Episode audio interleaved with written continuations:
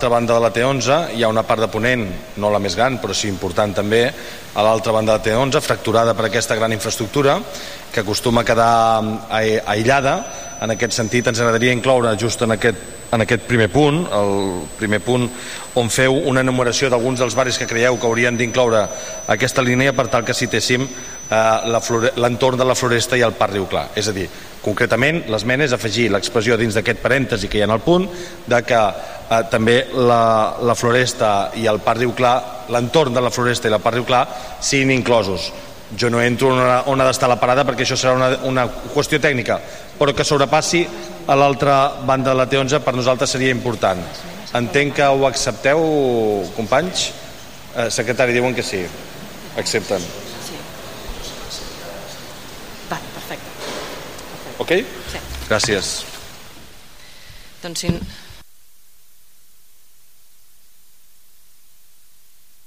també podem clar si accepta l'esmena llavors la inclourem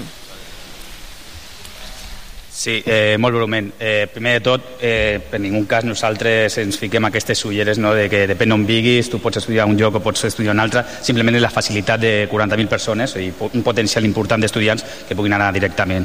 I sobre eh, l'esmena que ha dit el senyor Puig, pues sí, perfectament, incloure també la floresta, particular i també, si us sembla, l'albada. Doncs Doncs anirem a votació amb l'esmena incorporada.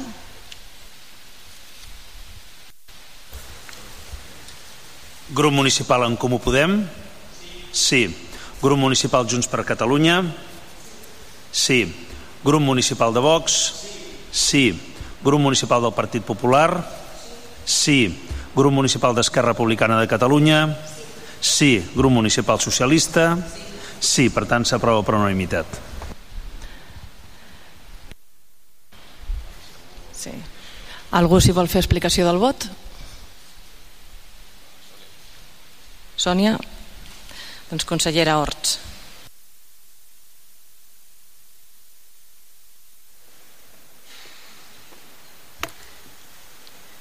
Sí, gràcies per presentar aquesta moció als companys d'en Compodem. Eh, com a govern eh, considerem eh, interessant estudiar aquesta possibilitat, com no, als barris de, de Ponent que més eh, agilitat a l'hora dels estudiants que arribin a, a, a, directament al complex educatiu no hagin de donar tanta volta. Sí que és veritat que hi ha una altra alternativa que passaria, que és el que comentàvem una mica, eh, per realitzar una actuació sobre la xarxa, viàries, que, eh, xarxa viària que propiciés la intermodalitat dels usuaris provenents de les línies L6, que són les de Campclar, Torreforte, el Passeig del Tarraco, i la L54, que és les de Ponent amb, amb el nord i juntament amb les de L42, que són les del centre que van a, a la laboral, a l'alçada de la parada dels bombers. La paradoxa que relacionen a la moció ve motivada pel fet que, tot i que la distància entre la cruïlla del carrer Montblanc, com hem dit, amb la Nacional 340 a l'alçada del supermercat que està al davant, per la que passen els serveis de les línies L6 i L54 anomenades anteriorment, fins a la parada dels bombers són 180 metres, només. El que passa que és la falta de la permeabilitat que té aquesta nacional eh, 340 i la C31B en aquell lloc, que és la carència d'aquests passos de vianants segur per atravessar aquelles vies de doble carril i sense circulació. Impedeix que els usuaris realitzin, com sabem tots, transbordament entre els busos que, que circulen de Ponent al centre amb les línies L42 que circulen del centre al complex educatiu i viceversa ja que estem parlant d'aquest tema, els voldria dir que és una cosa que encara eh, no s'havia fet, que ja sé que és petita, però si fem coses petites durant 4 anys es notaran la diferència, és que aquesta línia 42, que és, eh, va del complex educatiu fins al centre, eh, entra en funcionament els dies a partir del dia 1 d'agost fins a finals de l'agost, eh, que fins ara no, no funcionava. Llavors aquesta línia històricament deixava de funcionar durant quatre setmanes de l'agost i tornava un altre cop al setembre. Van tindre peticions per part del gerent de, del complex educatiu, van tindre peticions sobretot de les, de les, eh, del personal de la neteja sobretot d'aquest complex i sobretot a l'hora de fer les matrícules del jovent. Llavors aquesta línia l'hem ficat en marxa per primera vegada durant el mes d'agost. Per una altra banda, doncs, gràcies. Gràcies, consellera. Anem ara a les mocions 43 i 44. Les debatrem conjuntament, però la votació serà de manera separada. Moció 43, ordenació corporativa administrativa expedient, dos, mm, citat. Moció presentada pel grup municipal de Junts per Catalunya en defensa de la llengua catalana i de l'Oficina Municipal de Promoció del Català i la 44, d'ordenació corporativa administrativa, l'expedient que hi consta, moció presentada pel grup municipal d'Esquerra Republicana de Catalunya en defensa de la llengua catalana. Intervenen els ponents. Junts per Catalunya.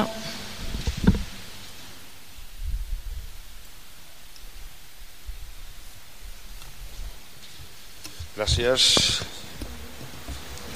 Bé, efectivament, hi han dues mocions presentades sobre la llengua i se'm va demanar d'unificar-les i jo els hi vull explicar per què no vaig acceptar que es fes una sola moció. Es va demanar un debat conjunt i va entendre que era correcte poder fer el debat conjunt. Per què? Durant la campanya electoral vaig dir repetides vegades en intervencions meves en debats, en intervencions públiques, que jo volia parlar de llengua, que teníem un problema greu amb la llengua. Fins i tot, en els debats, vaig fer una proposta de pacte per la llengua, pacte per la llengua que incloia la reobertura de l'oficina de promoció del català que havia estat tancada el 2011.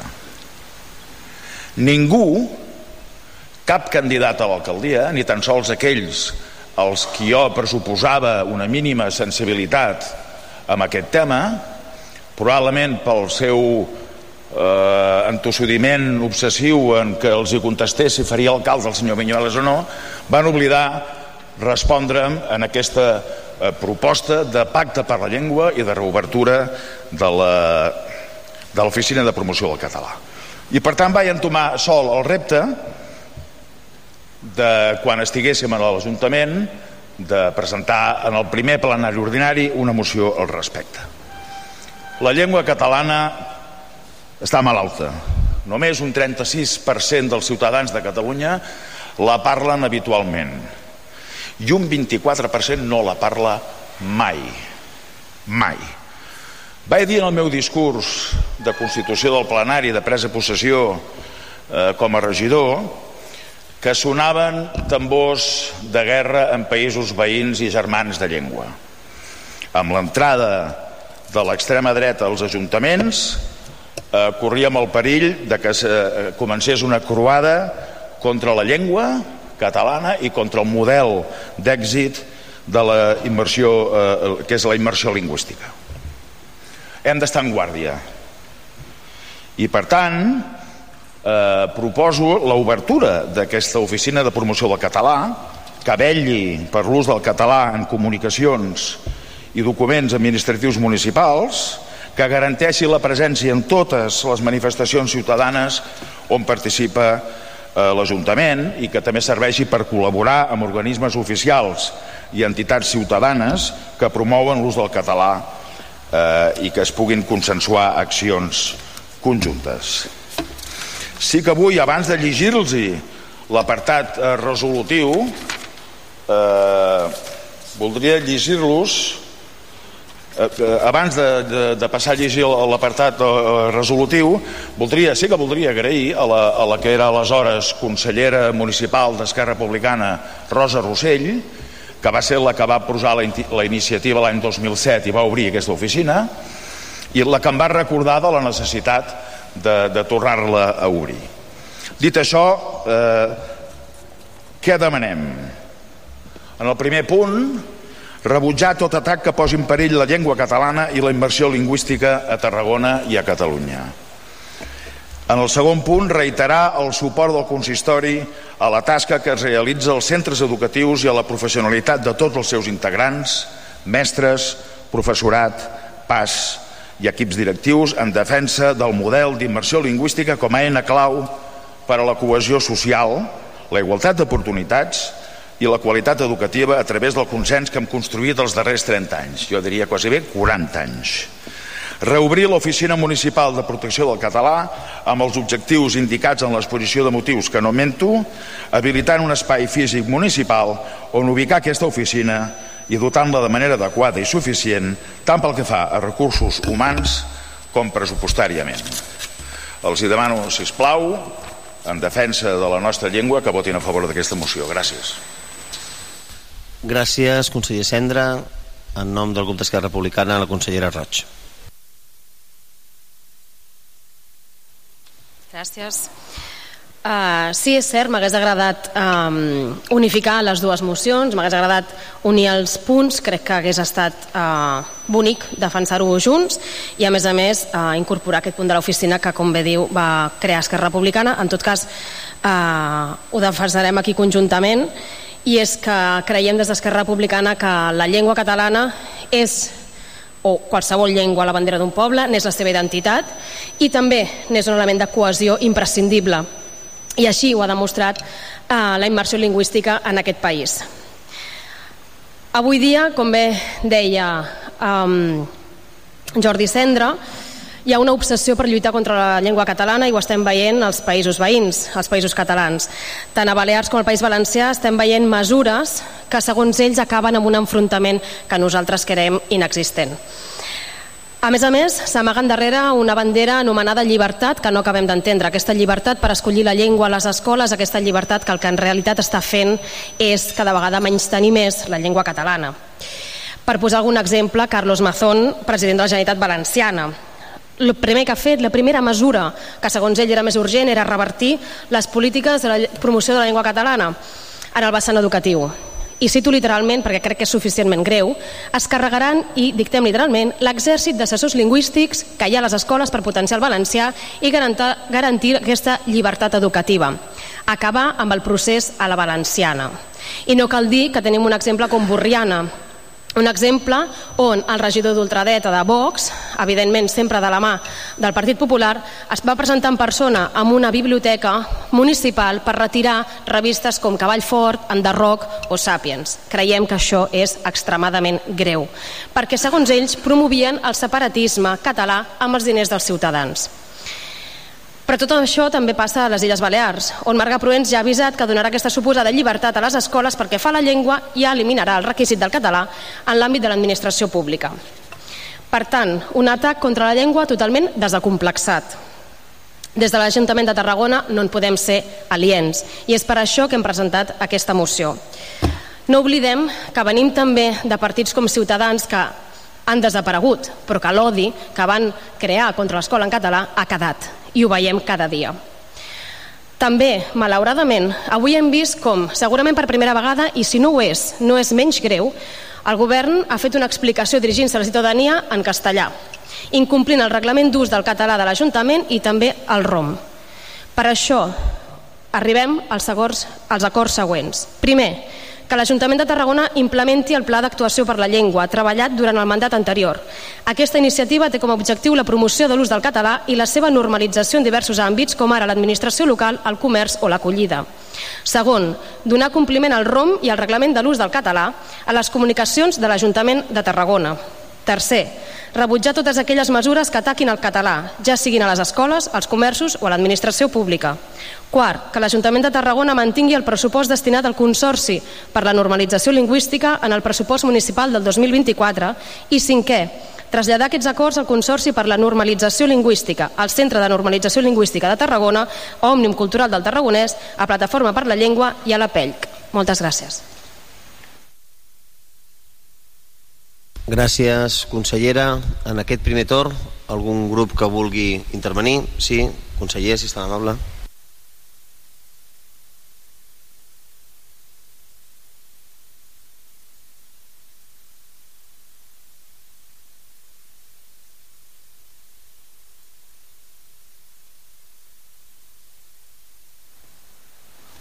bones. En primer lloc, faré aquesta intervenció amb una de les meves llengües, que és el català. Bé, en primer de tot, també, i per al·lusions, nosaltres no som un partit d'ultradreta.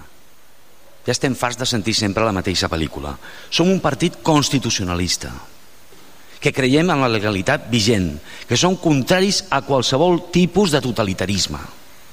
I com diu en paraules del nostre president Santiago Bascal, som un partit d'extrema necessitat per comportaments com el d'abans, que ens tracten simplement per no compartir les mateixes idees com enemics i com contraris a una llengua que és tan nostra com seva, que és el català.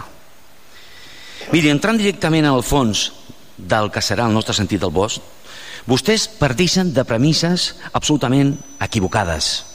Una premissa és allò que permet que les persones es puguin entendre que si això és una taula, si no considerem tots que això és una taula, perquè hi ha un altre que considera que és una paret, no ens podrem posar d'acord, perquè la premissa de que és una taula està equivocada. Estan convençuts que el nostre partit odia el català. Mirin, el català era la llengua de la meva mare, de la meva iaia, de la meva besàvia. D'acord? Amb aquesta permissa equivocada arriben a una conclusió que considero aberrant de que dintre dels nostres plans està destruir el català. Jo no puc destruir alguna que és meu perquè m'ho estimo. El català és nostre. Però també, i aquí està el problema que tenen més greu, i és l'error més greu del que parteixen. Parteixen d'una idea absolutament equivocada de que l'única llengua pròpia de Catalunya és el català. I això no és cert. De sempre s'ha parlat el català i el, i el castellà a Catalunya. És més, si fos pròpia no es parlaria a València, Andorra, al sud de França. O sigui, l'excusa de que és pròpia no m'hi val, perquè és tan pròpia el català com el castellà. Per tot això, partint d'aquestes premisses equivocades, s'arriba a conclusions encara més equivocades, conclusions aberrants. I els hi podria posar l'exemple de l'aranya, que un científic agafa una premissa equivocada i li diu a l'aranya quan jo la crido bé, si li arronco una pota, continua venint. I al cap d'arrencar-li les vuit potes, diu l'aranya no ve, la conclusió és que és sorda, aquesta premissa és l'equivocada. L'aranya no ve perquè no té potes. Miri, votarem que no a les seves mocions perquè el català precisament està superprotegit per la llei de protecció de política lingüística, per l'Estatut d'Autonomia que l'article 6 i següents l'eleva a un nivell impressionant per la llei 8 2022 de 9 de juny sobre l'aprenentatge de les llengües oficials de l'ensenyament no universitari. Conseller Comès, se li ha acabat el temps, li dono 10 segons més. Vale. No és només protegida per la llei, sinó per la Constitució, sinó que a més a més està implementada a la universitat, als bressols, als mitjans de comunicació, a tot arreu. Per tot això, creiem que és absolutament innecessari més hiperprotecció d'una llengua que està superprotegida. Gràcies, senyor alcalde. Gràcies. Passaríem a votació, si no hi ha cap grup més. És una i una, votem la primera. Sí, en aquest cas recorden que ha estat una defensa conjunta, però una votació per separat. En aquest cas començaríem per la moció de Junts. Grup municipal en Comú Podem? Sí. Grup municipal Junts per Catalunya? Sí. Grup municipal de Vox? No. Grup Municipal del Partit Popular? No. Grup Municipal d'Esquerra Republicana de Catalunya? Sí. Grup Municipal Socialista? Sí. Per tant, s'aprova per 20 vots a favor i 7 vots en contra. Uh, els hi sembla, no sé si el secretari ho podria permetre, fer la votació i, i es fer explicació de, de vot de manera també conjunta? Va. Si els hi sembla bé als consellers i conselleres per no reiterar dues explicacions de vots que poden anar en el mateix sentit. Doncs passaríem a votació de la moció d'Esquerra Republicana de Catalunya. Grup Municipal Tarragona en Comú Podem? Sí. Grup Municipal Junts per Tarragona? Ai, perdoneu, Junts per Catalunya. És, si diem Junts, és més fàcil, és que... Junts. Grup Municipal de Vox? No. Grup Municipal del Partit Popular? No. Grup Municipal d'Esquerra Republicana de Catalunya? Sí. Grup Municipal Socialista? Sí. Per tant, s'aprova també per 20 vots a favor i 7 vots en contra. Per explicació de vot, grups que volen intervenir, en Comú Podem, Esquerra Republicana de Catalunya i Partit dels i les Socialistes de Catalunya. Doncs en primer terme, conseller Collado.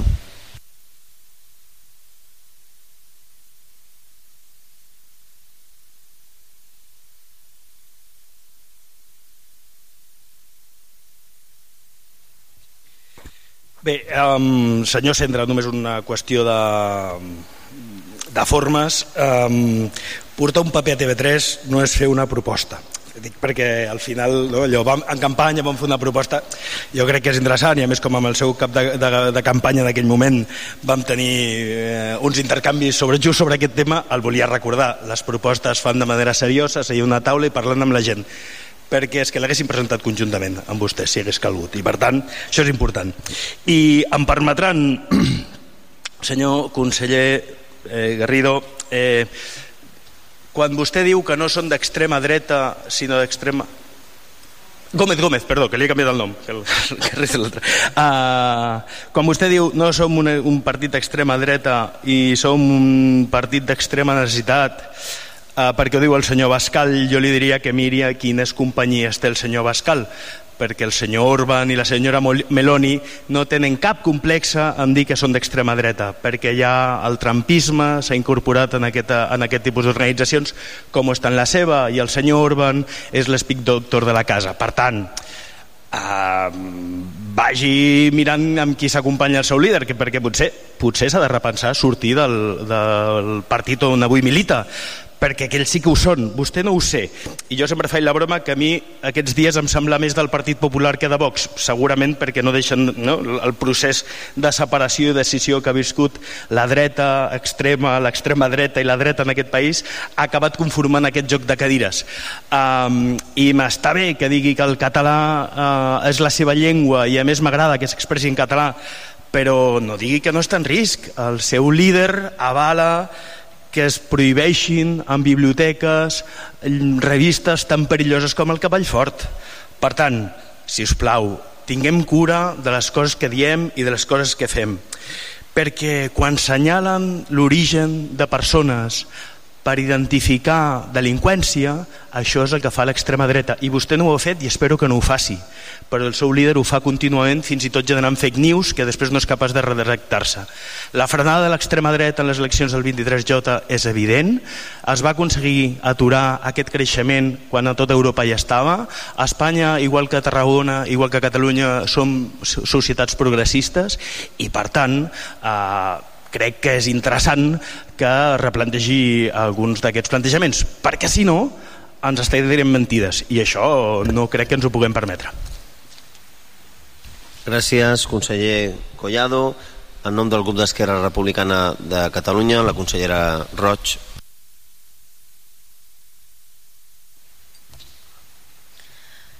Ningú posarà en dubte aquí l'amor per una llengua, perquè una llengua és cultura, per tant, evidentment, s'estima la llengua catalana, jo també m'estimo la llengua castellana i la italiana, i com més llengües tinguem, més cultura tindrem.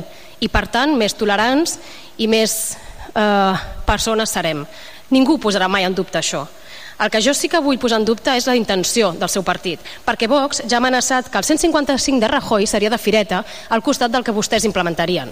Això és una amenaça perquè a més a més estic segura que al País Valencià i les Balears ningú s'imaginava el que els acabaria passant, perquè ningú de Borriana s'imaginaria que es plantaria de persona un conseller d'un ajuntament a retirar unes revistes, com per exemple ara deia Cavall Fort per uns nens perquè això fomentava el separatisme.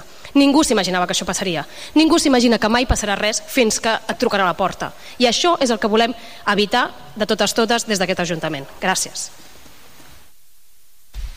Gràcies, consellera. En nom del Partit dels i les Socialistes de Catalunya.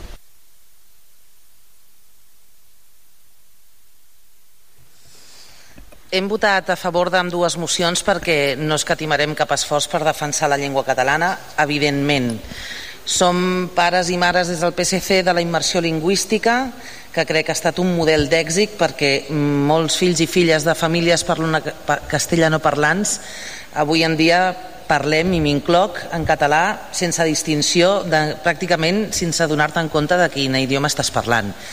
Jo no compararia la llengua castellana amb l'italià o amb qualsevol altre idioma que puguem parlar, perquè també és, la, és una llengua catalana, és una llengua de Catalunya també, també ho és és la llengua dels nostres pares, de les nostres mares, avis i àvies, igual que ho és el català, i no hem d'escollir ni hem de renunciar a cap de les dues llengües per defensar-les totes dues. I, evidentment, el català necessita de més protecció, òbviament, Òbviament que sí, i òbviament que ens hem d'esforçar perquè es parli català i es treballi en català en els màxims àmbits possibles. Òbviament que sí, perquè res posarà en perill la llengua de Cervantes, afortunadament res la posarà en perill, afortunadament però hem de tenir cura de la nostra llengua perquè forma part de la nostra identitat. D'això no en té cap dubte ningú. Ara, dos coses. Oficina de Defensa del Català, ho podem parlar, però tenim el Centre de Normalització Lingüística que desenvolupa pràcticament totes les, totes les tasques que estan aquí definides. S'ha fet un esforç molt gran en els últims anys també per fer un increment de l'ús del català tant de forma interna a la casa com promocionar en comerços i en altres espais per l'ús del català amb el Centre de Normalització Lingüística que fa una tasca increïble i espectacular. Sobretot potenciant que les persones noves que venen a viure al nostre país i a la nostra ciutat puguin aprendre el nostre idioma, igual que puguin aprendre el castellà, puguin aprendre també el català. Per tant, que podem explorar totes les vies perquè hi hagi una oficina que reforci tota aquesta tasca que es fa per descomptat, però que aquesta tasca no està descoberta, o sigui, no està descuidada per part de l'Ajuntament de, de Tarragona. Per descomptat que farem servir, eh, mantindrem el pressupost, etc etc i tot. Ara, jo també mm, no sé quins altres objectius té aquesta moció perquè quan es denuncia que hi ha una consellera que avui ha parlat en castellà, l'anterior mandat, fins a tres consellers i conselleres, fins a tres, i una la tenen aquí seguda, van fer intervencions en castellà en aquest plenari, i mai, ningú va dir res. Mai ningú va dir res. Tenim cartes de l'anterior govern enviades a veïns i veïnes de la ciutat de Tarragona escrites en castellà firmades per persones que avui estan segudes en aquest plenari. I mai ningú va dir res. Mai ningú va dir res. I ho tenim, ho tinc aquí mateix, els minuts eh, d'intervencions al plenari en castellà i les cartes signades en castellà. Ni ningú mai va dir res. Per tant, si us plau, el que no podem fer servir mai Consellera... és la nostra llengua, i acabo de seguida, com una arma llancívola mai. I si de veritat estan tan preocupats per l'ús en català i no volem que passi el que està passant a Mallorca i a València amb governs d'extrema dreta, si de veritat estan tan preocupats per això, garanteixin que hi hagi un govern progressista a Espanya. Garanteixin. I així assegurarem la pervivència també la de la nostra llengua. Gràcies.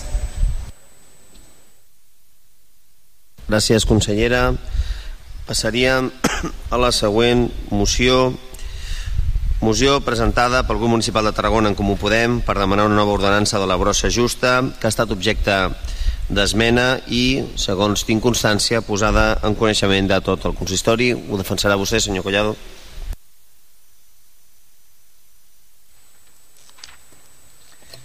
Hòstia, ara no tinc... Bueno. Um, bé, la brossa continua present al nostre ple.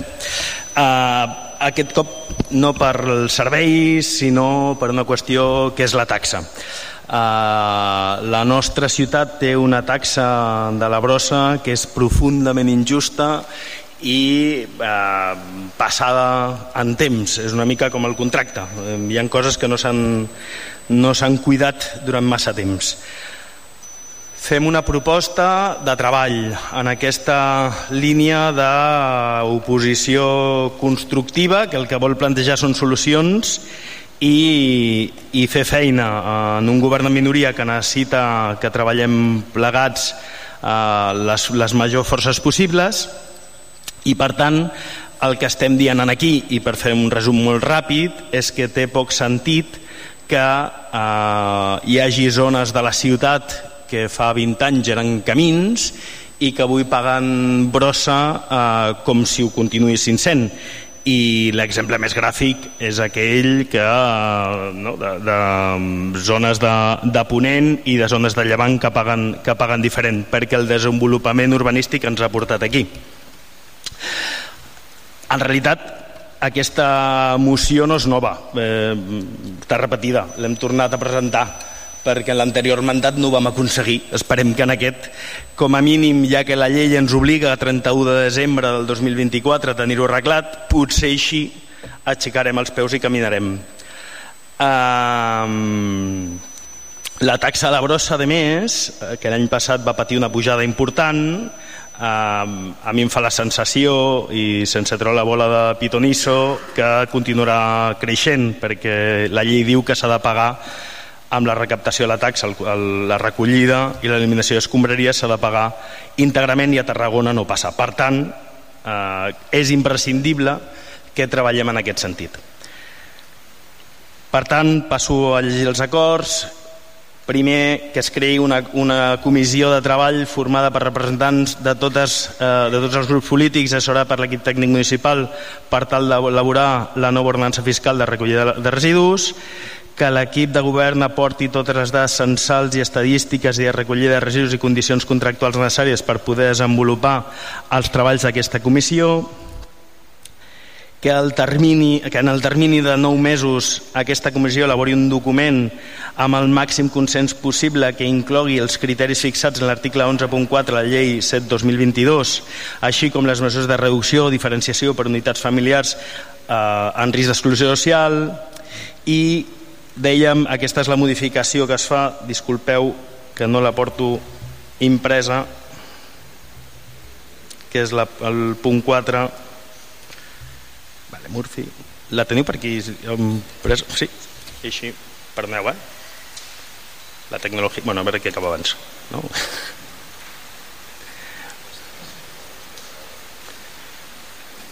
Hem marxat. Nah. Sí? La teniu aquí?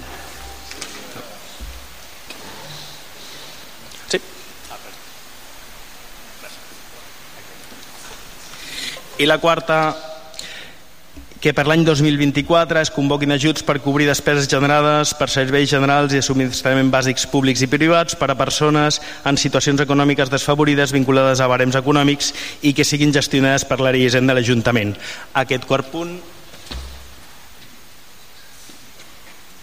Aquest quart punt té a veure justament amb la pèrdua a partir de l'any 21 eh, d'unes subvencions ja existents que anaven encaminades a que aquelles persones que més dificultats econòmiques tinguessin poguessin sufragar aquesta despesa i que es va perdre en l'anterior govern. Gràcies, conseller Collado. En fase de debat, grups que volen intervenir, Partit Popular, Esquerra Republicana de Catalunya, algun grup més? Doncs, si estan amables, consellera Martorell.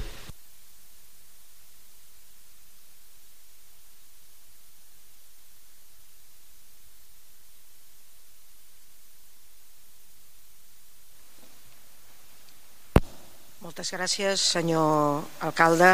En primer lloc, tal com nosaltres ja vam manifestar amb la Junta de Portaveus, ens abstindrem amb aquesta moció, no perquè no estiguem d'acord amb la filosofia, sinó que, tal com vam comentar, hi ha dues qüestions de la pròpia moció que eh, ens generen dubtes. Un és el tema, el punt segon, en què es parla de que aquestes dades s'aportin en aquesta comissió de treball, és a dir, la creació de la comissió de treball ens sembla perfecta, però que aquestes dades es volquin a la comissió de treball. Creiem que un tema de protecció de dades, que això ho vam manifestar a la, a la comissió, que una cosa és que l'estudi que s'està fent i que en principi, segons va dir el secretari d'aquesta corporació, té que estar finalitzat a 31 de desembre, eh, és una comissió de treball, és una empresa que està fent això i per tant s'ha de tingui tota aquesta informació amb tota la privacitat que suposa el, el fer anar aquestes dades. Però en aquest cas, que és una comissió que també té una vessant política, creiem que hi ha un tema de protecció de dades i per això en aquest apartat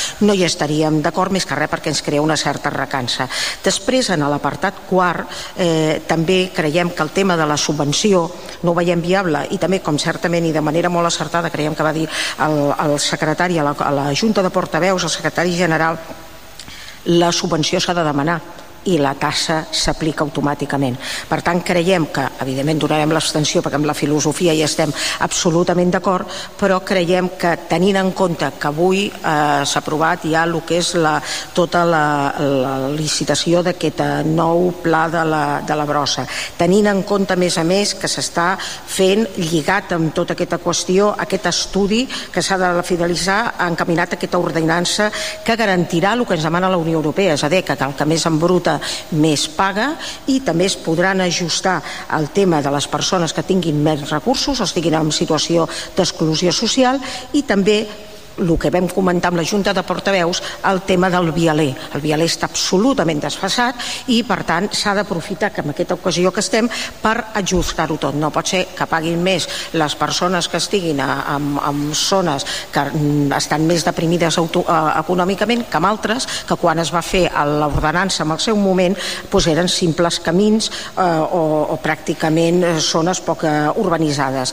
Creiem que s'ha d'aprofitar aquesta nova ordenança fiscal fiscal on es podran incloure tots aquests elements. Aquesta baixada de la brossa per nosaltres té que ser, tal com ja ho vam dir en campanya i ho mantenim, certament tenim una brossa molt cara, eh, creiem que s'ha de baixar a tothom, però que a més a més també hi ha altres eh, col·lectius com els locals que estan buits i que estan pagant brossa o per exemple els negocis que pràcticament no generen residus. Creiem que tenim una oportunitat magnífica per adaptar-ho ara amb aquesta nova ordenança i amb aquest eh, nou contracte de la neteja. Moltes gràcies, senyor alcalde. Gràcies, consellera Martorell. En nom d'Esquerra República de Catalunya, conseller Fortuny. Gràcies, senyor alcalde.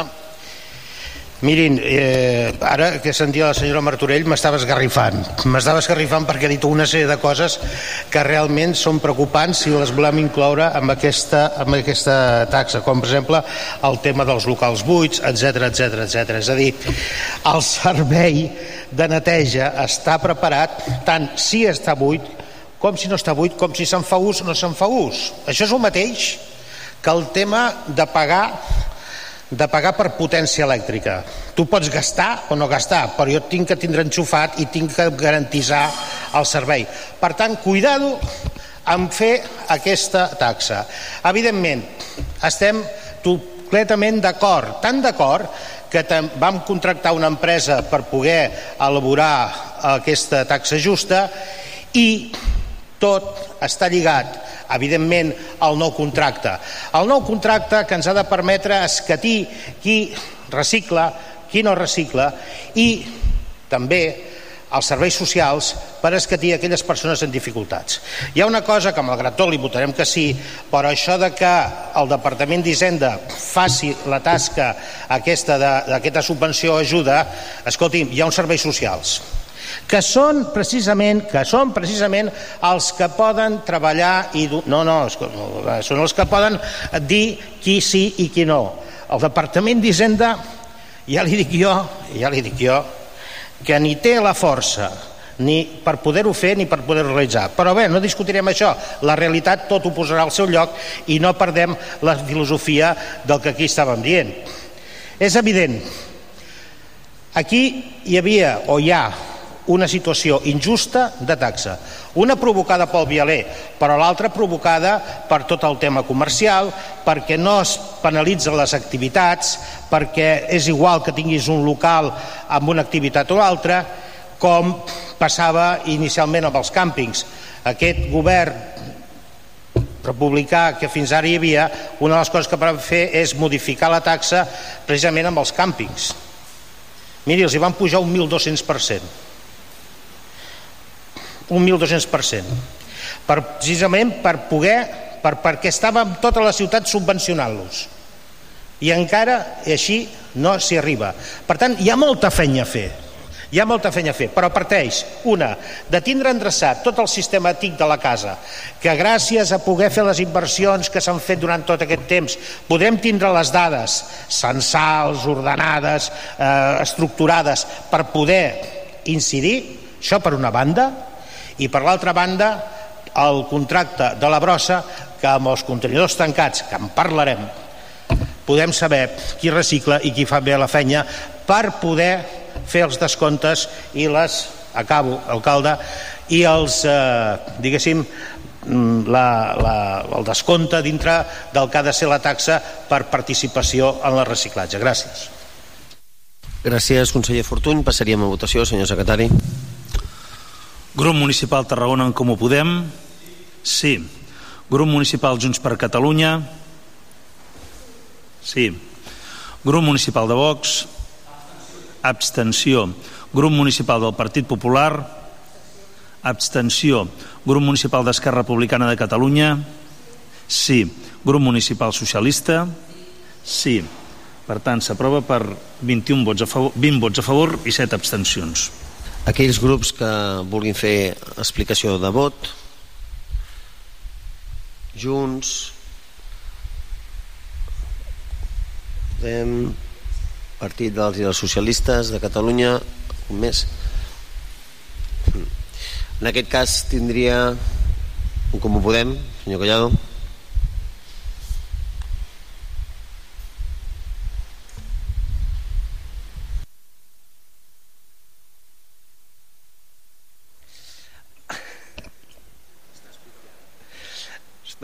És, és, divertit tenir un conseller que et fa d'apuntador contínuament en aquest espai. és, com a anècdota no, no deixa estar malament. Um, és, estava parlant i em, em recordava l'ara no toca tant que, que em feia entre gràcia i generava desesperació, senyor Fortuny, perquè com ja hem tingut aquesta conversa unes quantes vegades amb conseqüents dimes i diretes, eh, em semblava interessant. És a dir, em sembla eh, molt estrany que algú digui que una cosa és injusta, però xec, ja l'arreglarem. Perquè és aquella actitud de, bueno, fem la feina dues vegades. No, no, és que són feines diferents. És que ara hi ha gent que està pagant diners que no es pot permetre i després ho podrem fer per via taxa. A mi, senyora Martorell, m'agradaria molt, molt que la taxa s'apliqués aquest any. Però començo a conèixer els ritmes d'aquesta casa i no passarà i per tant proposem una subvenció aquí. I la proposem justament d'una manera molt que, que pugui ser molt ràpida. I és que amb uns barems clars i concrets hi hagi un departament d'Hisenda que no hagi de saber d'intervenció social perquè la pugui aplicar. Perquè aquesta proposta va de números no va d'informes socials va d'ingressos, senyor Fortuny. I per tant el Departament d'Hisenda i el Departament Administratiu d'aquesta casa que s'ha anat quedant el personal de serveis socials sota el seu mandat potser el Departament de Serveis Socials, senyor Fortuny, no té gent per administrar-ho. L'última vegada no hi havia administratius. Per tant, cuidado amb allò que diem, està bé que protegeix els seus equips, ho hem vist a Medi Ambient, com els va protegir durant, durant 4 anys, ampliant l'equip de manera absolutament descompensada amb altres, amb altres llidories.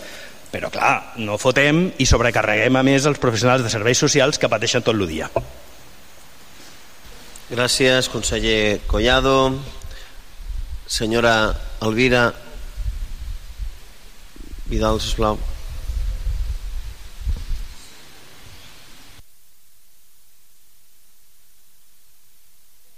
Estem totalment a favor, també m'estava il·luminant el, el mateix conseller Fortuny, igual que ha fet amb vostè. Ens tindran al seu costat. Volem una taula de treball per modificar l'ordenança que regula la taxa. Eh, pensem que el principi de qui contamina paga està en crisi en connivència amb, amb tot un seguit de pensaments. A sensu contrari, qui pot pagar pot continuar contaminant? No, no és així eh, aquesta taxa ha de ser proporcional i ha de ser equitativa. I aquesta taula de treball sens dubte, sens cap tipus de dubte ha de ser transversal. És a dir, no solament ha de ser una mirada eh, fiscal economicista sinó també social. I per tant crec que la transversalitat en aquesta taula de treball ha d'estar mm, garantida. Tenim de termini fins a finals del 24 els tempos dintre de l'administració ja sabem que són lents. Jo mm, diria que Eh, posaré un exemple. Mm, he vingut reivindicant les modificacions d'aquesta taxa en el sentit de que es prescindeixi del carrerer. Ara per ara la taxa es modula en funció del tipus de carrer, categoria A, B i C. Mm, això dona mm, lloc a moltes in, injustícies a l'hora d'aplicar la taxa.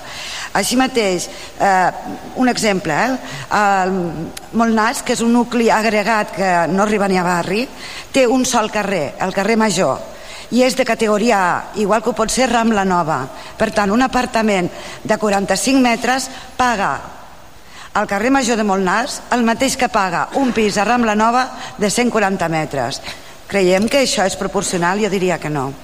Una manera de garantir la proporcionalitat eh, no solament tenint en compte les condicions socials de les famílies, sinó el tipus de gestió que fan.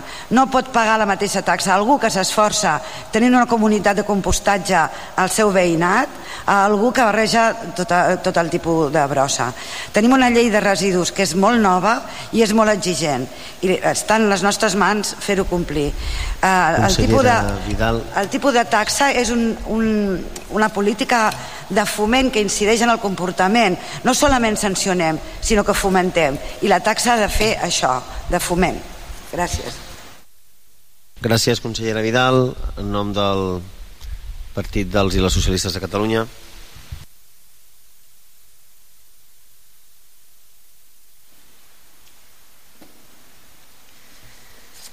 La taxa ha de fer de foment senyora Vidal, però ha de ser justa, que és del que estem parlant aquí, no? I, bueno, fiquem exemples mm, curiosos, però bé, nosaltres volem agrair la moció en Comú Podem, tercera vegada que presenten aquesta moció, companys d'en Comú Podem, el mandat anterior es va presentar ja dos vegades eh, i es va parlar de les mateixes dificultats de les que s'està parlant avui.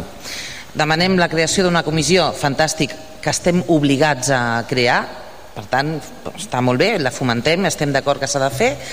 Um, I a més a més parlem que evidentment això té una complexitat tècnica perquè jo crec que estem d'acord en que la filosofia la compartim. I per tant com la compartim i a més estem abocats en això mm, tampoc ens quedarà massa més remei.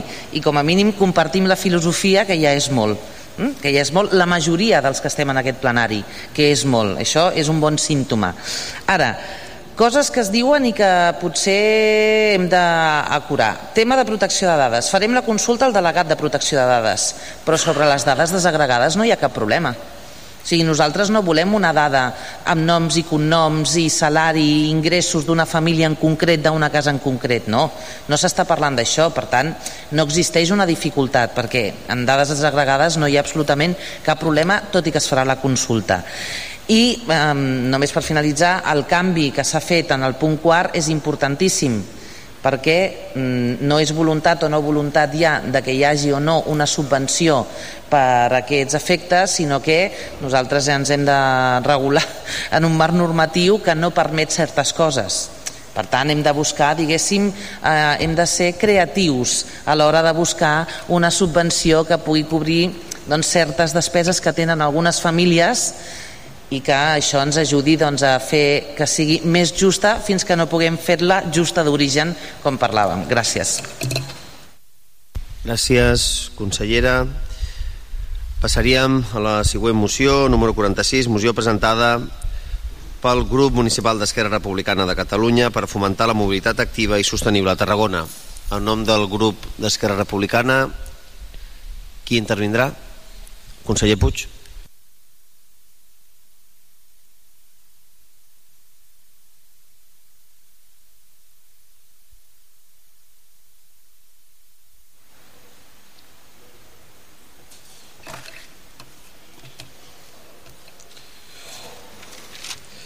Eh, gràcies, eh, president.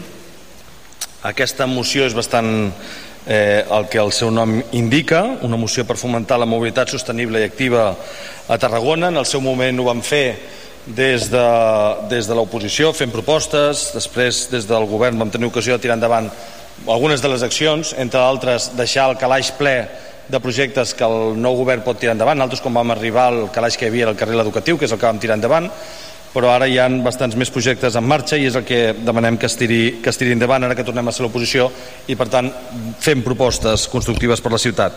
Sigui perquè ho diuen els objectius de desenvolupament sostenible perquè ho diuen els Next Generation perquè ho diu el Ministeri perquè ho diu la Generalitat a través de la llei de mobilitat perquè ho diuen els plans de la mobilitat del Camp de Tarragona el PEMUS, el Pla de Millora Urbana Sostenible vigent de Tarragona, encara que antic, actualment vigent, eh, que tenim, o perquè ho dirà el proper PEMUS o perquè ho han dit moltes mocions o perquè ho han dit els programes. Tarragona ha d'apostar per la mobilitat activa i sostenible i això és la bicicleta. Dit en termes del nostre pla de mobilitat urbana, fomentar l'ús de la bicicleta com a mitjà de transport quotidià, i subratllo, transport quotidià. I no tant perquè ho diguin aquests estaments, que està molt bé que ho diguin, sinó perquè ho diem nosaltres, els representants de la ciutat, les entitats de la ciutat, i perquè ho diem recolzats per la comunitat científica que avala abastament la constatació de que una ciutat amb molta bicicleta, una ciutat ciclable, és una ciutat més neta, és una ciutat més saludable, és una ciutat més oberta i és una ciutat més plena. Tenim molts exemples, sobretot a nivell nord-europeu o centre-europeu, que, que valen això. I estic parlant del concepte general, no de si una cosa es pot fer bé o millor o de com aprenem dels errors d'execució nostres mateixos o d'altres ciutats a l'hora de concretar el detall de les accions. Parlo del concepte. Per tant, eh, aquesta entenem que ha de ser l'aposta general. Quan diem ciutat, a una ciutat més plena no ho diem en un sentit poètic, més rica i plena. Ho diem en un sentit molt econòmic. És a dir, ho diem en un, en un sentit de que en una mateixa ciutat molts més ciutadans poden fer molts més quilòmetres en menys temps i ocupant menys espai que no passi organitzem la ciutat al voltant del cotxe. I per això són importants les voreres i els vianants en primer lloc, el transport públic en segon lloc, però la bicicleta, que és allò amb què anem més endarrerits, o la micromobilitat en general, en tercer lloc. Perquè qualsevol botiga el que vol és que hi passi molta gent per la parada amb possibilitat d'entrar directament. No cotxes que van amb una persona o dues persones embatussats amb una congestió a l'hora d'anar a comprar una a l'escola i que no tenen fàcilment una possibilitat per aparcar. Um, la literatura científica és rica també a l'hora de demostrar una correlació important, la correlació entre la infraestructura ciclable i l'ús de la bicicleta. La tesi és, amb una bona xarxa de carrils bici segregats, i subratllo la paraula xarxa, és a dir, que estiguin connectats, es possibilita, s'estimula, es dona seguretat a l'ús de la bicicleta. I de fet això és el que apunta el Departament de Geografia i, uh, de, de la URB i l'Escola Tècnica Superior d'Arquitectura de la URB uh, a través del Xavier del Clos i el Josep Maria Soler amb un estudi que es diu La bicicleta al Camp de Tarragona etc. no m'hi allargo, amb un estudi que té una mostra important de 1.000 persones i que apunta que només el 5% de la població del Camp de Tarragona utilitza a la setmana la bicicleta però el 55% li agradaria fer-ne un ús quotidià. El 73% el frena la falta de carrils bicicleta en xarxa. El 94% considera que cal promocionar la bicicleta compartida i el 91% demana carrils segregats no només per la seguretat de la bici sinó també per la seguretat del propi vianant perquè allà on hi ha un carril segregat desestimules que s'utilitzi la vorera i també per la seguretat doncs, del vehicle del cotxe. És per tot això que demanem tota una sèrie de punts que tenen a veure amb donar compliment amb la xarxa de carrils bicicleta que en treball en equip tenim Vol dir, en projectes que estan en finançament de Next Generation, en projectes que financem, que podem finançar i hi ha el finançament per fer-ho des de l'Ajuntament, o en projectes que financen altres, com per exemple el Pla Parcial 1 o l'Hospital Joan 23, és a dir, amb un treball eh, en equip. I aquí és on demanem, primer, posar un sistema de lloguer de bicicletes continuant aquella contractació que vam iniciar mesos enrere. Segon, eh, eh, executar les obres de pavimentació de tres carrers que són importants i això és a costelles de l'Ajuntament. El cost principal és la pròpia pavimentació però a l'hora de tornar a pintar val la pena que ens fem preguntes perquè si no el que tornarem és a posar la realitat que hi havia abans amb un cotxe que ocupa el 85% de l'espai públic. Poso l'exemple només aquest gràcies per la seva generositat en menys d'un minut acabo o en 30 segons l'Avinguda Andorra L'Avinguda Andorra la pavimentem nova, és un dels carrils que vam rebre de l'Estat, està en un estat deplorable, el pavimentem, molt bé. Però a l'hora de pintar, tornem a restablir l'ordre que hi havia? O podem deixar un espai perquè circulin bicis i patins? Val la pena deixar un espai perquè hi caben els mateixos carrils de circulació, les mateixes línies d'aparcament i sense que hi hagi perdedors una línia de carril bicicleta pel cantó dels equipaments, el bidding, la subdelegació, l'institut. Això no és només l'Avinguda Andorra. Això és l'Avinguda Andorra, això és el carril de, de que farà el, el Pla Parcial 1, això és el passeig ciclable fins a Sant Salvador, és el Prat de la Riba, entenguem un clau de xarxa. Per tant, culminar tots aquests carrils i no atemorir-nos davant d'algú que es pugui queixar en un moment determinat perquè aquestes propostes que hi ha aquí contingudes estan pactades amb les pertinents associacions de veïns. Gràcies. Gràcies, conseller Puig. Una cosa és ser permeable amb la necessitat de 10 segons més, altre és superar en un minut el temps que ens vam donar tots i, i totes. Algun grup que vulgui intervenir en fase de debat? En Comú Podem, Vox, algun més? Doncs, si us plau, senyor Collado.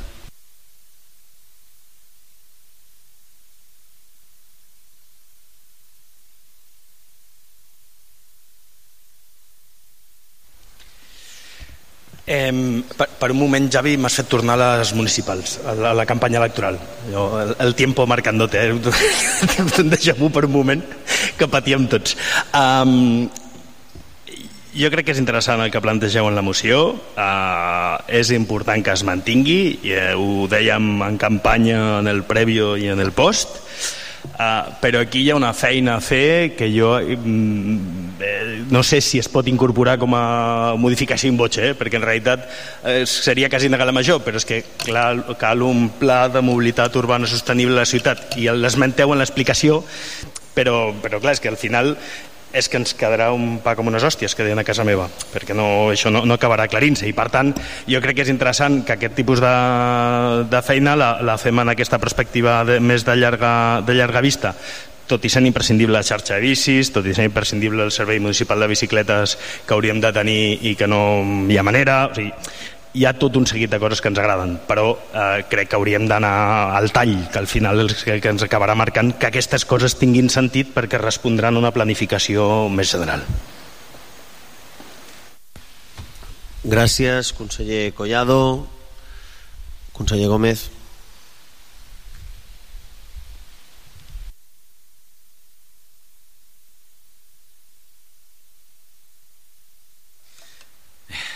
A veure, sota aquest títol de moció per fomentar la mobilitat activa i sostenible a Tarragona estem d'acord tots, perquè seria una cosa desitjable, sona molt bé. El problema és la realitat. O sigui, hi ha molts d'aquests punts que nosaltres estem d'acord, però el problema és la realitat. Amsterdam, Amsterdam, perdó, és una ciutat que des de fa 50 anys té bicicleta, o sigui, tothom es mou amb bicicleta. Per què? Perquè és una ciutat plana. Si te'n vas a San Francisco, als Estats Units, no hi ha cap carril bici, perquè és així. Tarragona és una ciutat que és una muntanya. I llavors ens trobem amb aquest problema. O sigui, ara em farà servir un moment el seu el conseller Jordi Fortuny que conec de tota la vida. Jordi, perdona que et faci servir, eh? Jo si el Jordi Fortuny agafa la bici a Sant Salvador, baixa a Tarragona, puja a la pujada de Sant Pere i Sant Pau, baixa al Serrallo, se'n va la rebassada, torna a pujar i se'n va a Sant Salvador, jo voto sí a tot. Perdó, perquè m'entengueu. Hi ha, punt per punt, el segon tram de Pere Martell, que fa molt desnivell, serà un tram que pràcticament no es farà servir. Amb aquest tram no estaríem d'acord, perquè la gent no el faria servir, perquè té una pujada descomunal. Vostè s'imagina pujar amb traje, com el senyor secretari, des del Serrallo fins aquí, cada dia, no ho farà, perquè la gent quan va a la feina no vol suar, no vol passar malament. Trobem que és desitjable això, però potser el mecanisme, el mecanisme de mobilitat no és la bici o tindria que ser la bici elèctrica i llavors hauria anar per la calçada i complir amb la normativa de circulació. Només això. Gràcies, conseller. Passaríem a votació, senyor secretari. Grup Municipal Tarragona en Comú Podem? Sí. Grup Municipal Junts per Catalunya? Abstenció. Grup Municipal de Vox? No. Grup Municipal del Partit Popular? No. Grup Municipal d'Esquerra Republicana de Catalunya? Sí. Grup Municipal Socialista? No. Per tant, es desestima per 8 vots a favor, 16 vots en contra i 3 abstencions. Grups que vulguin intervenir en explicació de vot. Partit dels i les socialistes. Junts, el grup que defensa també la moció. Cap més?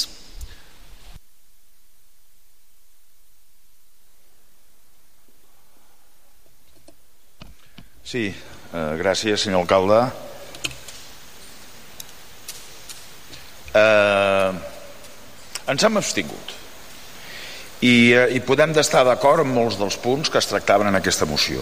Podem estar d'acord en implementar, no, no podem estar, estem d'acord en implementar progressivament els mitjans de transport alternatius als cotxes privats. Com a concepte hi estem d'acord. Però jo he dit diverses vegades que això no pot suposar una guerra ideològica contra els cotxes i de vegades vostès la fan. Eh, Tarragona no és Copenhague, Tarragona no és Malmo. Jo asseguro que jo hi he viscut i Tarragona no és Copenhague i Tarragona no és, no és Malmo. Si volem reduir la presència de cotxes, i l'hem de reduir, s'ha de tenir una alternativa fiable, ràpida i eficient. I a Tarragona, o a diverses parts de Tarragona, diverses zones de Tarragona, no la tenim. No tenim un transport públic ràpid i eficient. Llevant no la té. I avui els seus veïns no poden renunciar al cotxe per anar al centre, a la feina, a passejar per la Rambla, a comprar, perquè és evident que no, no tenen eh, una alternativa a agafar el cotxe. I estem molt d'acord i estarem sempre d'acord que es faci un carril bici que vagi des del centre fins a la Mora, fins, allà, eh, fins a Ferran. Però avui per avui no hi ha alternativa. I vostès, i amb això també incloc a l'equip de govern, estan molt cofois dels documents sobre el tramvia i amb les seves modificacions, però el tramvia tampoc suposarà cap alternativa pels veïns de Llevant perquè no hi arribarà perquè es quedarà a la plaça Imperial.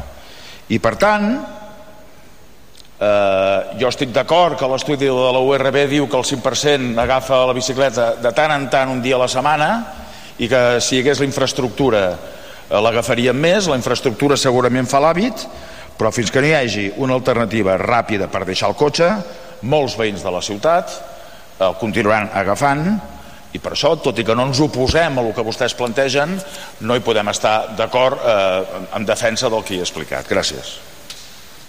Gràcies, conseller Cendra. Conseller Puig.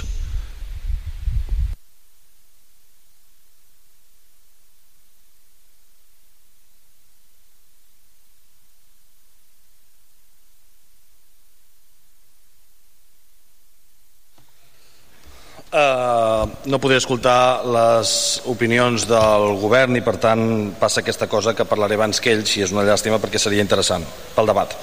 Però en qualsevol cas entenc que el govern, si el Partit Socialista està plenament d'acord amb la mobilitat sostenible eh, que va guanyar l'anterior govern a través d'un Net Generation o a través de negociacions amb l'Estat en la sessió de carreteres i que amb aquesta mobilitat sostenible està completament d'acord i no està tan d'acord, o no gens, amb aquella que depèn de la pròpia ciutat. Eh, per exemple, en la pròpia pavimentació dels carrers que ens van cedir l'Estat en la primera sessió de carreteres en un estat de, completament deplorable, cosa que no passarà en la segona sessió de carreteres perquè una de les coses que vam negociar és que estigués en perfecte estat, no només que es fessin carrils bici i passejos ciclables, amb els quals aquests sí que vostès estan d'acord, sinó perquè ens donessin la infraestructura en bon estat. Però sorprèn una mica la contradicció entre que unes zones de la ciutat sí i unes altres no, i a més per l'arbitrarietat de que sigui l'Estat qui les finança o un Net Generation, perquè tenim també els carrils bici del litoral i són importants. La mobilitat important és aquella que connectarà les persones eh, en el seu dia a dia, diumenge inclòs, però dimarts inclòs també. Eh, aquí s'ha dit el senyor Cendra parlava de que la, fins que no hi hagi una alternativa no he degut entendre la moció, la moció està proposant una alternativa i no és l'única, hi ha altres alternatives. Si vostè el que vol és una alternativa havia d'haver votat que sí aquesta moció tal com va fer en l'anterior mandat quan anàvem junts amb aquest tema i l'Alvira Vidal quan era a l'oposició i nosaltres al govern ens reclamava, ens reclamava que els bici. Eh, per favor, una mica coherència amb, amb, amb, amb el bagatge, que estem fent retrocessos en qüestions importants.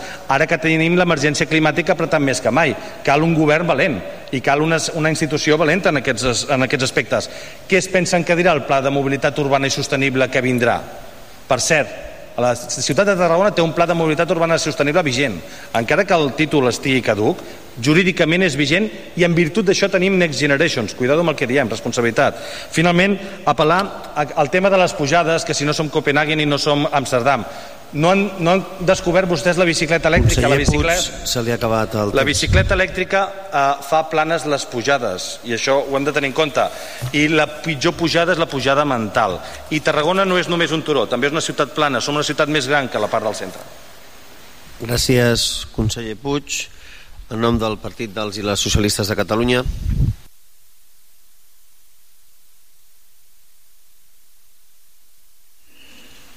Gràcies, alcalde. Um, no esperava menys que una de les primeres mocions que presentés el grup d'Esquerra Republicana fos sobre carrils bici, sobre mobilitat uh, sostenible. Hem votat que no perquè aquesta moció no creiem que suposi una millora per la ciutat, sinó que el que estem, estan fent és dir al govern el que han de fer. I el que han de fer és seguir amb el seu model, que amb tots els meus respectes la ciutadania els hi va dir que no era el que volien per, per Tarragona. A més, demanen coses que ja podien haver fet durant el seu mandat i no els vull recordar que vostès mateixos van deixar fora de la negociació de la sessió de carreteres la Nacional 240 cap a Sant Salvador, sabent que és un dels barris més abandonats, però no es preocupin que nosaltres encetarem aquesta negociació amb l'Estat i hem començat demanant que el tramvia arribi fins a aquell, fins a aquell barri. Totes formes, jo li agraeixo eh, la moció. Mm, és cert que el PEMUS eh, està vigent, però és un PEMUS de l'any 2012, si no, si no vaig eh, equivocat, i la ciutat del 2012 i la percepció que té la ciutadania sobre la mobilitat no és la que tenim el 2023. I sabent que hi ha un PAMUS en redacció, esperem que hi hagi aquest PAMUS i llavors parlarem de carrils bici. I dues coses per acabar. Una, quan es plantegen alternatives al cotxe, i en això estem d'acord, el cotxe de perdre protagonisme a la nostra ciutat, no hem d'oblidar que l'únic transport que ens iguala, l'únic transport democràtic que existeix, perquè el pot agafar tothom, és l'autobús avui en dia. I és aquí on hem de posar l'èmfasi.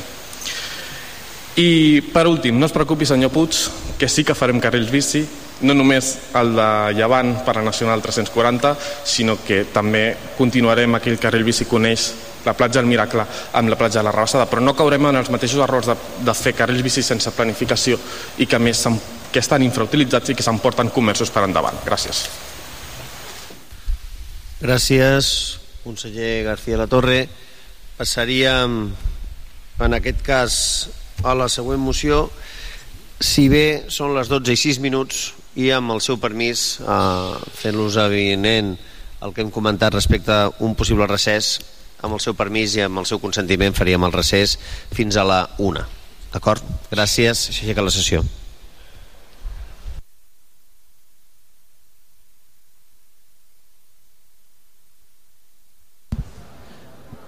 Doncs fins aquí a aquesta sessió que fa aquest eh, recés, aquest eh, descans a causa d'una visita institucional. Eh, queden eh, una, una moció, queda una moció més per debatre i amb aquesta pausa es reprendrà doncs, d'aquí a una estona. I fins ara s'han doncs, aprovat les mocions eh, d'en Comú Podem sobre la implantació de bus urbà eh, per connectar els barris de Ponent amb el complex educatiu. També s'han aprovat dues mocions eh, que han presentat per separat el grup municipal de Junts i d'Esquerra amb un debat conjunt en defensa eh, de la llengua catalana també una altra moció per demanar una nova ordenança de la brossa justa i s'ha rebutjat una moció que ha presentat el grup eh, municipal d'Esquerra Republicana per fomentar la mobilitat activa i sostenible, que és eh, aquesta darrera moció que s'ha tractat.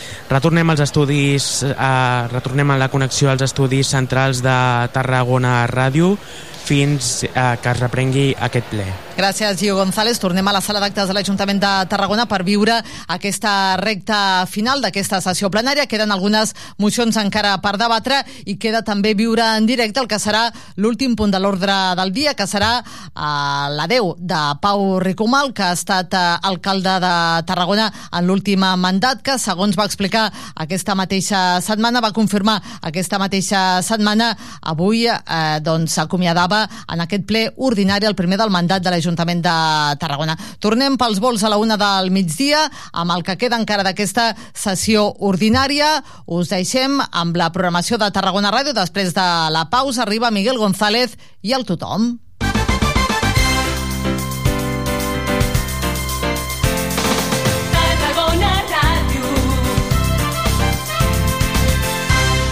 Moll de Costa, la Rambla de la Cultura a la vora del mar. Vine i passeja per l'eix de la cultura, del lleure i de l'esport al Port de Tarragona. Hi trobaràs museus, exposicions, teatre, activitats, espais per passejar i fer esport. Completa la teva visita amb un tas de la gastronomia marinera del Serrallo. Més informació a porttarragona.cat. Una alimentació sana, exercici físic i una bona assegurança mèdica. A MGC Mútua millorem cobertures i serveis per oferir la millor assegurança mèdica segons els professionals de la salut. MGC Mútua. Inverteix en salut. Informa't en el web mgc.es.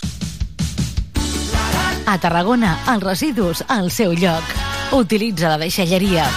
Recorda, els residus voluminosos no van a les deixalleries mòbils. Cal portar-los a la deixalleria fixa. O bé, te'ls passem a recollir si ens avises a través del telèfon verd o l'aplicació app. Més informació a www.tarragona.cat barra neteja. Ajuntament de Tarragona.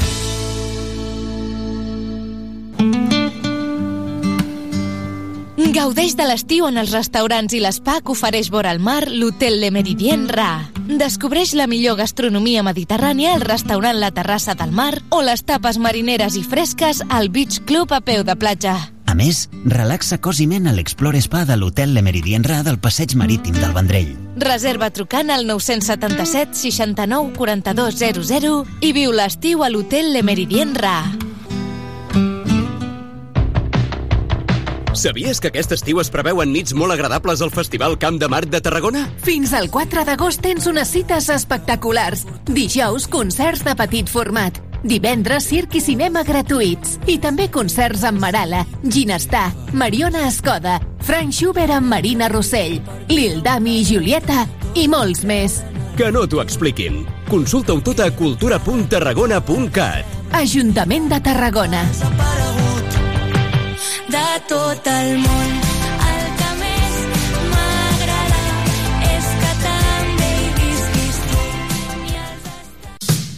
Saps què és Ematsa Online? És la manera més fàcil, còmoda i eficient de gestionar el teu subministrament d'aigua. Fes el salt online per tenir un control total sobre el teu servei. Consulta les teves factures i fes tots els tràmits quan vulguis. Rep avisos de les incidències del servei per SMS i si tens telemesura, pots consultar el teu consum i personalitzar alarmes per controlar-lo. Un servei totalment gratuït al teu abast. Registra't a www.ematsa.cat Ematsa Online, el teu servei d'aigua més a prop que mai. Salta que salta i torna a saltar.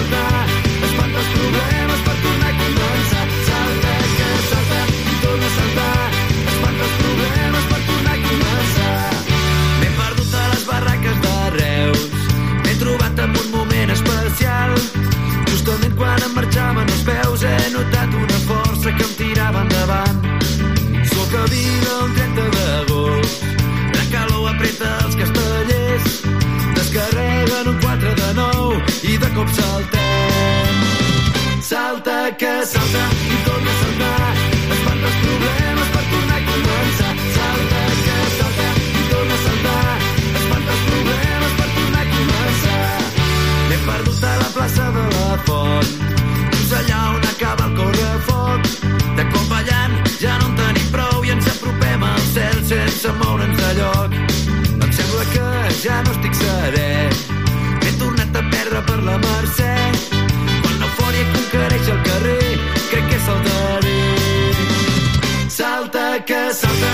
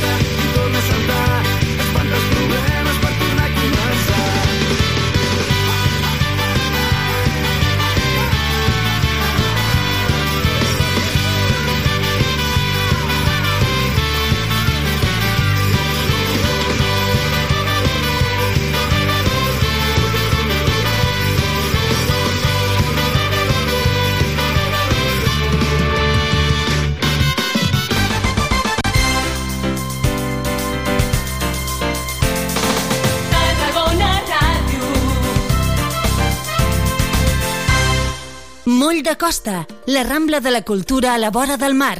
Vine i passeja per l'eix de la cultura, del lleure i de l'esport al Port de Tarragona. Hi trobaràs museus, exposicions, teatre, activitats, espais per passejar i fer esport. Completa la teva visita amb un tas de la gastronomia marinera del Serrallo. Més informació a porttarragona.cat. Una alimentació sana, exercici físic i una bona assegurança mèdica. A MGC Mútua millorem cobertures i serveis per oferir la millor assegurança mèdica segons els professionals de la salut. MGC Mútua. Inverteix en salut. Informa't en el web mgc.es. A Tarragona, els residus al seu lloc. Utilitza la deixalleria. Recorda, els residus voluminosos no van a les deixalleries mòbils. Cal portar-los a la deixalleria fixa. O bé, te'ls passem a recollir si ens avises a través del telèfon verd o l'aplicació app. Més informació a www.tarragona.cat barra neteja. Ajuntament de Tarragona.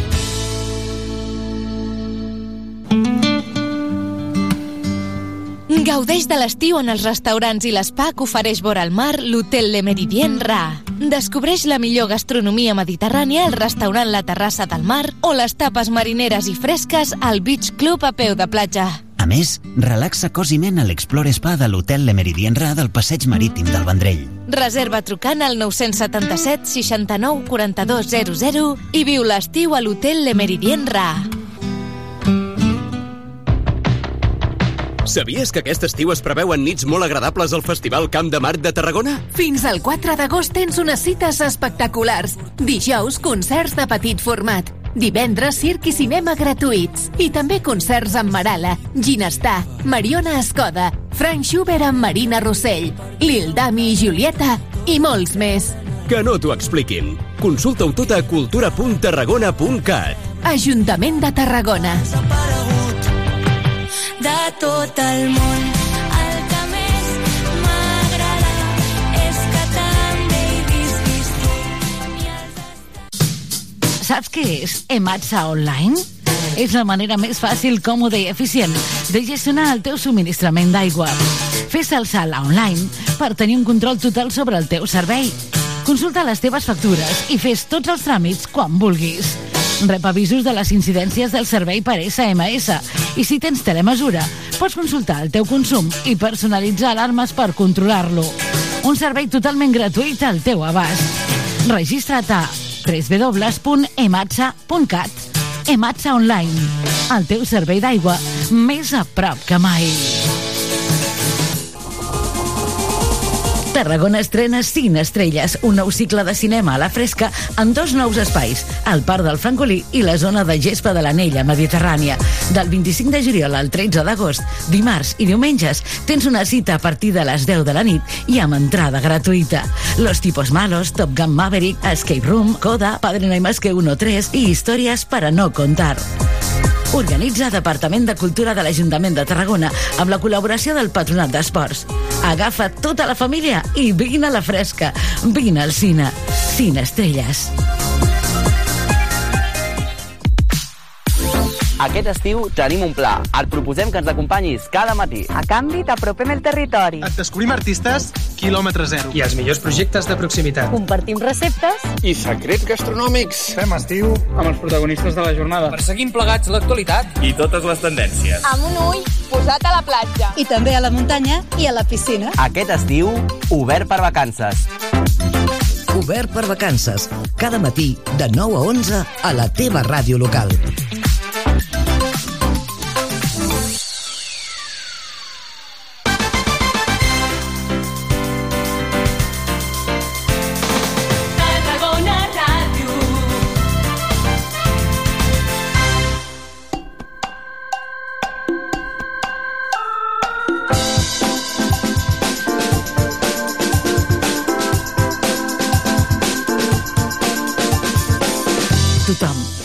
Miguel González.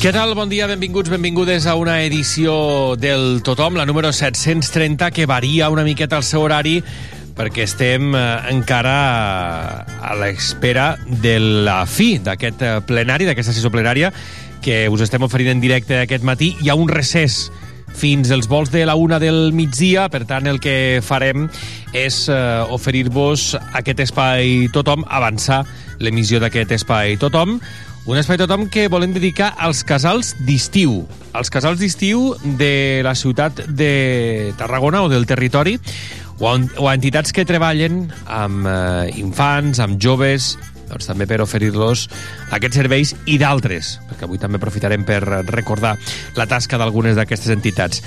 L'espai d'avui l'encapçala tècnicament el Lluís Comes, qui us parla, el Miguel González, Començarem parlant del casal que impulsa la Fundació La Caixa. De fet, no és ben bé un casal. Són diverses accions que impulsen aquest estiu des de centres oberts, colònies urbanes o campaments. Són activitats d'estiu centrades en el joc per potenciar la creativitat, la gestió emocional i la inclusió de prop de 200 menors en situació de vulnerabilitat de Tarragona. Nosaltres hem volgut parlar amb algun d'ells, que forma part del programa Caixa Pro Infància, que facilita que diverses entitats tarragonines impulsin colònies urbanes, centres oberts o campaments per tal que els infants i els adolescents en risc d'exclusió social puguin gaudir de l'estiu i reforçar també la seva autoestima desplegant totes les seves potencialitats. A Tarragona, per exemple, aquest programa Caixa Pro Infància de la Fundació La Caixa, que ha posat de nou en marxa aquest estiu aquestes accions, col·labora amb diverses entitats, com us deia. Una d'elles és el Casal Amic. Avui hem pogut parlar amb eh, els coordinadors d'aquestes colònies urbanes i també amb algunes de les seves participants. Ho escoltem. Connecta amb el tothom. Segueix-nos a Facebook i a Twitter i recupera els nostres programes a la carta a tarragonaradio.cat.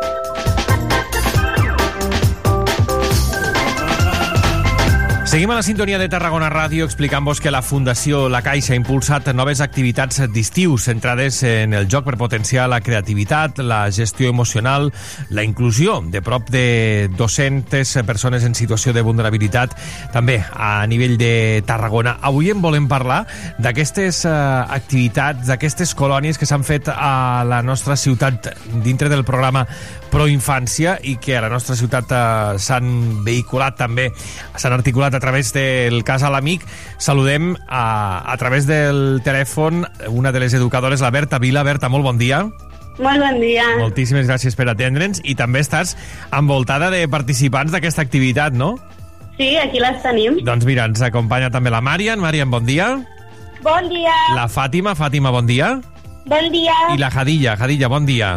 Bon dia. Moltíssimes gràcies a totes tres per acompanyar-nos. Ara m'explicaré una mica com ha anat tot i què, us, eh, què heu fet i com ha anat això. Però, Berta, posa'ns una mica en sintonia. Explica'ns què és exactament el que s'ha fet i una mica quina és la, la voluntat i l'objectiu d'aquestes colònies urbanes que, que s'han dut a terme a Tarragona i que s'impulsen des del programa Caixa Pro Infància. Sí, mira, nosaltres som la Fundació Casa l'Amic, eh, som una organització no lucrativa que tenim com a objectiu principal l'acció social i educativa amb la infància, l'adolescència i la joventut. I està destinat a la prevenció de situacions de risc social en aquests grups de població. Uh -huh.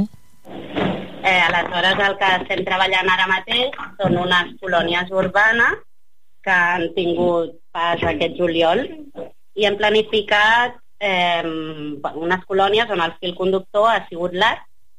Aleshores, durant aquest mes, els infants de primària i secundària han viscut bé, experiències de tot tipus, com activitats diverses. Ens hem centrat molt en la reproducció d'un tapís de Joan Miró, on va crear per la caixa eh, un, el logo concret, fent-ho amb diferents materials i bé, també hem participat en diverses sortides a la platja, Mhm. piscina, vam fer una excursió a Prades d'Aventura Molt bé. I bueno, Ara, ara m'explicaran també ells què és el que més els ha agradat i, i què és el que han fet, però, uh, Berta, el que veiem és que amb aquest, amb aquest tapís, per exemple, que era una de les activitats més reixides, o, o amb d'altres que heu fet, doncs utilitzeu també aquestes colònies, aquesta part més lúdica, també l'art, com a eina d'inclusió, no? És a dir, que, que, que, que elles eh, i ells han pogut incloure's també, integrar-se i, i dur a terme una activitat d'estiu com la que ens comentes. Sí, sí, sí. Bé, creiem que l'art és una forma molt representativa de poder-se expressar i realment ha funcionat molt bé. Molt bé, doncs unes colònies que es desenvolupen uh, de manera intensiva. Quants dies fa que hi sou uh, a les colònies, noies? Qui, qui m'ho explica? Jo que he anat, eh, vam anar del 17 al, 20, al 21. Eh, Molt bé. tot el mes. Uh -huh. Del 17 al 21. Per tant, això va ser la setmana passada, no? Sí, Molt bé. Uh, què vau fer? Quin, quines activitats uh, destacaríeu d'aquestes colònies? Bé, és que han tingut aquí una confusió perquè a part de les colònies urbanes, que les portem fent tot el mes de juliol, Sí. eh, també han tingut la possibilitat d'anar de colònies a fora una setmana Ah, perfecte. i a es referia. Val. Però el casal artístic que estem fent Ahà. eh, ha tingut cabuda tot el mes de juliol. D'acord, d'acord. És a dir, que hi ha hagut una sortida també amb algun altre tipus de, de colònies, no? Exacte, sí. Val. Eh, de, les que, de les que en parlem entenc que són d'aquestes, eh, que porteu fent tot el mes de juliol, són de les que ens parlaran de, de les activitats que heu fet. Expliqueu-me, noies, què, què és el que heu fet? Què, què recordeu, què destaqueu, què és el que més us ha agradat? sí, això mateix. Hem fet un tapís molt xulo que va ser dissenyat per l'artista Joan Miró. I ho fem a col·laboració amb el programa Caixa Proinfància de la Fundació de la Caixa. Exacte, el programa Caixa Proinfància ajuda a nens i a nenes com nosaltres a gaudir d'activitats i experiències increïbles durant les vacances d'estiu. Molt bé. Digueu, digueu.